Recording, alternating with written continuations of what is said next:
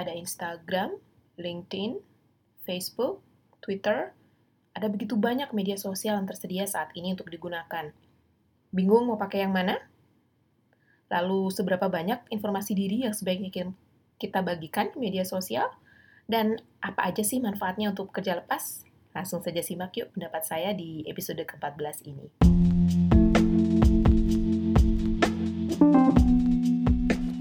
Selamat datang di podcast Being a Translator – Nama saya Desi Mandarini, saya adalah penerjemah dan juru bahasa lepas untuk pasangan bahasa Inggris Indonesia.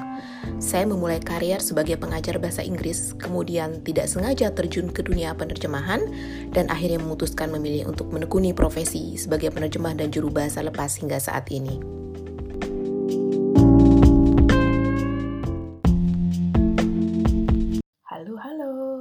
Selamat hari Jumat. Apa kabar kamu hari ini? Senior Being a Translator sudah memasuki episode ke-14. Terima kasih yang masih setia menyimak dan mengikuti senior ini. Untuk yang baru menyimak juga, terima kasih karena sudah meluangkan waktu kamu. Nah, kali ini saya ingin membicarakan sedikit tentang profil daring atau profil online untuk pekerja lepas. Saya pernah menulis di blog saya tentang profil daring untuk penerjemah lepas. Tapi kali ini saya ingin bicara lebih luas tentang pekerja lepas. Siapa saja, penerjemah, juru bahasa, dan pekerja di bidang lainnya, pekerja lepas di bidang lainnya. Nah, pertama, pasti kamu pakai media sosial kan? Ada banyak sekarang media sosial, dan hampir setiap orang sepertinya punya media sosial. Sekarang yang perlu kamu ketahui adalah tujuan kamu menggunakan media sosial itu apa. Kalau saya sih, saya punya dua, yaitu tujuan untuk uh, berkomunikasi dan berbagi dengan keluarga, kenalan, teman-teman dekat.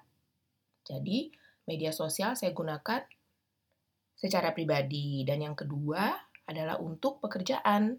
Jadi, saya juga punya akun media sosial yang khusus untuk hal-hal yang terkait dengan pekerjaan. Media sosial yang saya gunakan untuk urusan pekerjaan itu adalah untuk promosi jasa saya, kemudian memasarkan jasa saya dan berjejaring dengan rekan-rekan yang bekerja di bidang yang sama atau juga yang bekerja lepas seperti saya. Seberapa banyak sih seharusnya kamu membagikan informasi di media sosial?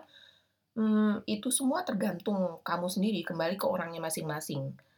Kalau kamu memang tipe orang yang memang ingin dunia mengetahui kalau kamu itu melakukan sesuatu sekecil apa pun, ya monggo, silakan kamu bisa menulis status, mengunggah foto, atau tulisan tentang semua hal yang kamu lakukan. Itu semua hakmu ya. Kalau saya di media sosial yang saya gunakan untuk urusan pribadi, ya saya gunakan untuk mengunggah hal-hal yang sifatnya pribadi. Foto liburan misalnya, dan tulisan tentang hal-hal pribadi ya tentunya ya yang saya lakukan sehari-hari misalnya. Tapi saya tidak saya tidak terlalu rajin memperbarui isi media sosial saya setiap hari begitu setiap saat tidak juga. Saya punya jadwal sendiri terutama untuk yang terkait pekerjaan ya. Kalau yang pribadi sih suka-suka saya mau memperbarui status atau menulis apa pun, mengunggah foto bisa saya lakukan kapan saja sesuka saya. Kalau yang untuk urusan pekerjaan, saya biasanya sudah punya jadwal sendiri. Jadi seminggu berapa kali dan topik apa saja yang akan saya bahas atau saya tulis atau unggah di akun media sosial saya tersebut. Lalu untuk pekerja lepas, apa saja sih yang sebaiknya dicantumkan di profil daring kamu, profil online kamu? Menurut saya hal-halnya hal-hal yang harus dicantumkan itu standar ya. Misalnya foto, kemudian e, biodata singkat, keterangan tentang kamu, keahlian kamu, keterampilan kamu, dan apa yang jasa apa yang kamu tawarkan kepada calon klien atau orang yang nantinya akan memerlukan jasa kamu. Dan kalau bisa nih, kamu juga bisa mencantumkan contoh pekerjaan kamu. Kalau kamu penerjemah seperti saya, kamu bisa cantumkan atau unggah hasil terjemahan kamu. Bisa satu atau dua halaman ya. Jadi bisa membuktikan kepada klien bahwa oh orang ini memang penerjemah dan mutu terjemahannya seperti ini. Bidang yang dia geluti adalah ini. Jadi, calon klien yang nantinya melihat profil daring kamu, profil profesional kamu akan yakin untuk menghubungi kamu. Lalu kalau untuk kalau media sosial untuk tujuan pekerjaan sih sebaiknya menurut saya kamu gunakan ragam bahasa yang formal ya.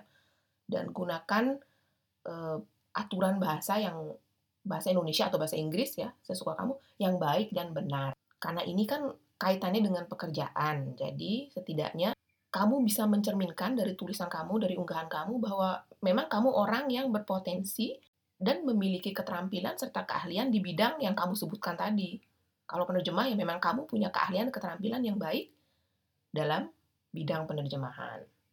Kalau kamu adalah misalnya desainer grafis, kamu bisa unggah karya kamu dan kamu bisa bicara tentang hal-hal yang terkait dengan desain grafis dan orang akan tahu, calon klien akan tahu, oh si A ini memang desainer grafis yang bagus, buktinya seperti ini dia memang mengetahui banyak hal dan memang ahli dalam hal desain grafis. Jadi seperti itu ya, menurut saya.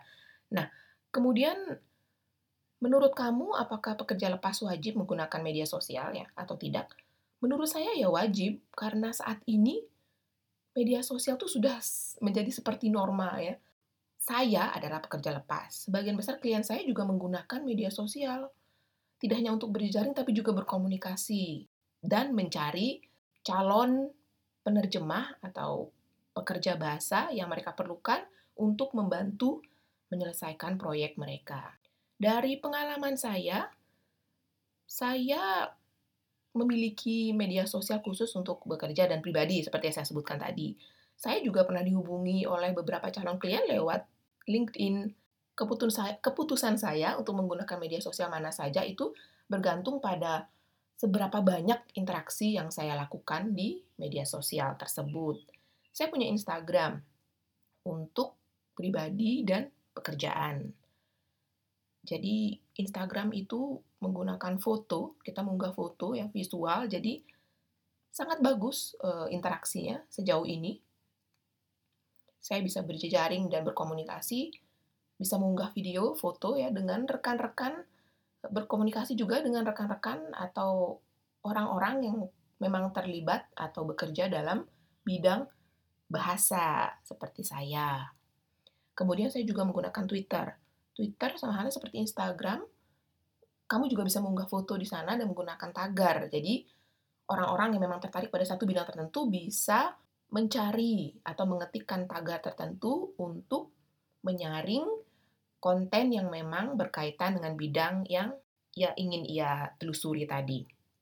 Saya juga punya situs web sendiri, karena ini saat ini sepertinya wajib tidak wajib ya, tapi wajib dimiliki oleh pekerja lepas, apalagi pekerja lepas seperti saya. Jadi ini semacam hmm, apa ya, seperti kartu nama digital, jadi ruang ruang promosi digital saya.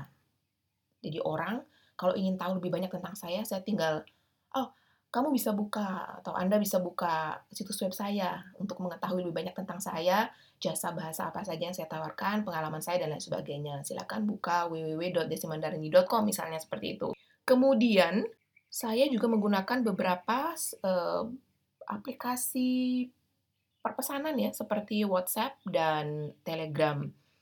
Saya juga menggunakan Facebook page, dan saya juga punya Facebook group yang saya kelola untuk para pekerja lepas agar bisa berinteraksi dan berkomunikasi, saling berbagi saran, pengalaman, dan berbagi pelajaran mengenai khususnya di bidang bekerja lepas dan produktivitas. Saya orang yang sangat suka hal-hal yang berbau produktivitas. Jadi grup yang saya buat di Facebook ini memang saya tujukan khusus untuk para pekerja lepas dan hal-hal terkait produktivitas. Nah, di Facebook saya bisa berdiskusi dan bertukar informasi. Saya juga bisa berjejaring dengan para pekerja lepas yang tidak hanya berasal dari Indonesia, tapi juga dari banyak negara lain.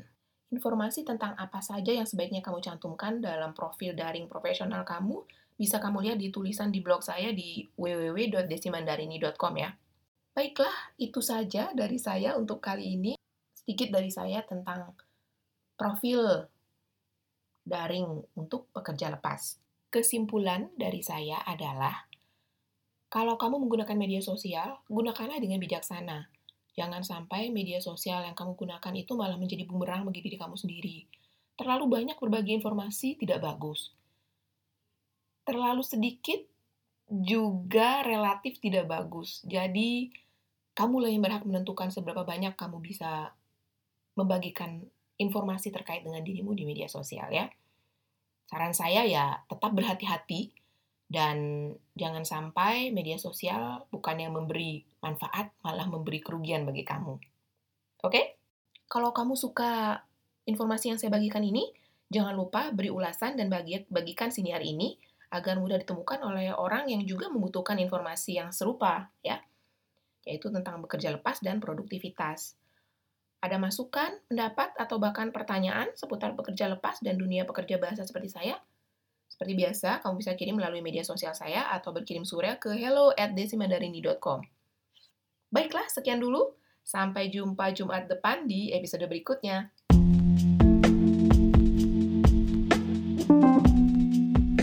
Kalau kamu suka podcast ini, jangan lupa bagikan di media sosial kamu dan beri ulasan. Saya juga menulis tentang pengalaman dan tips seputar penerjemahan dan freelancing di blog saya di www.desimandarini.com.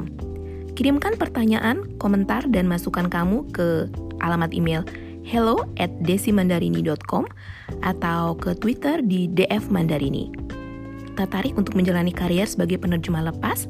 Atau sekadar ingin tahu lebih banyak tentang keseharian penerjemah dan juru bahasa saat bekerja?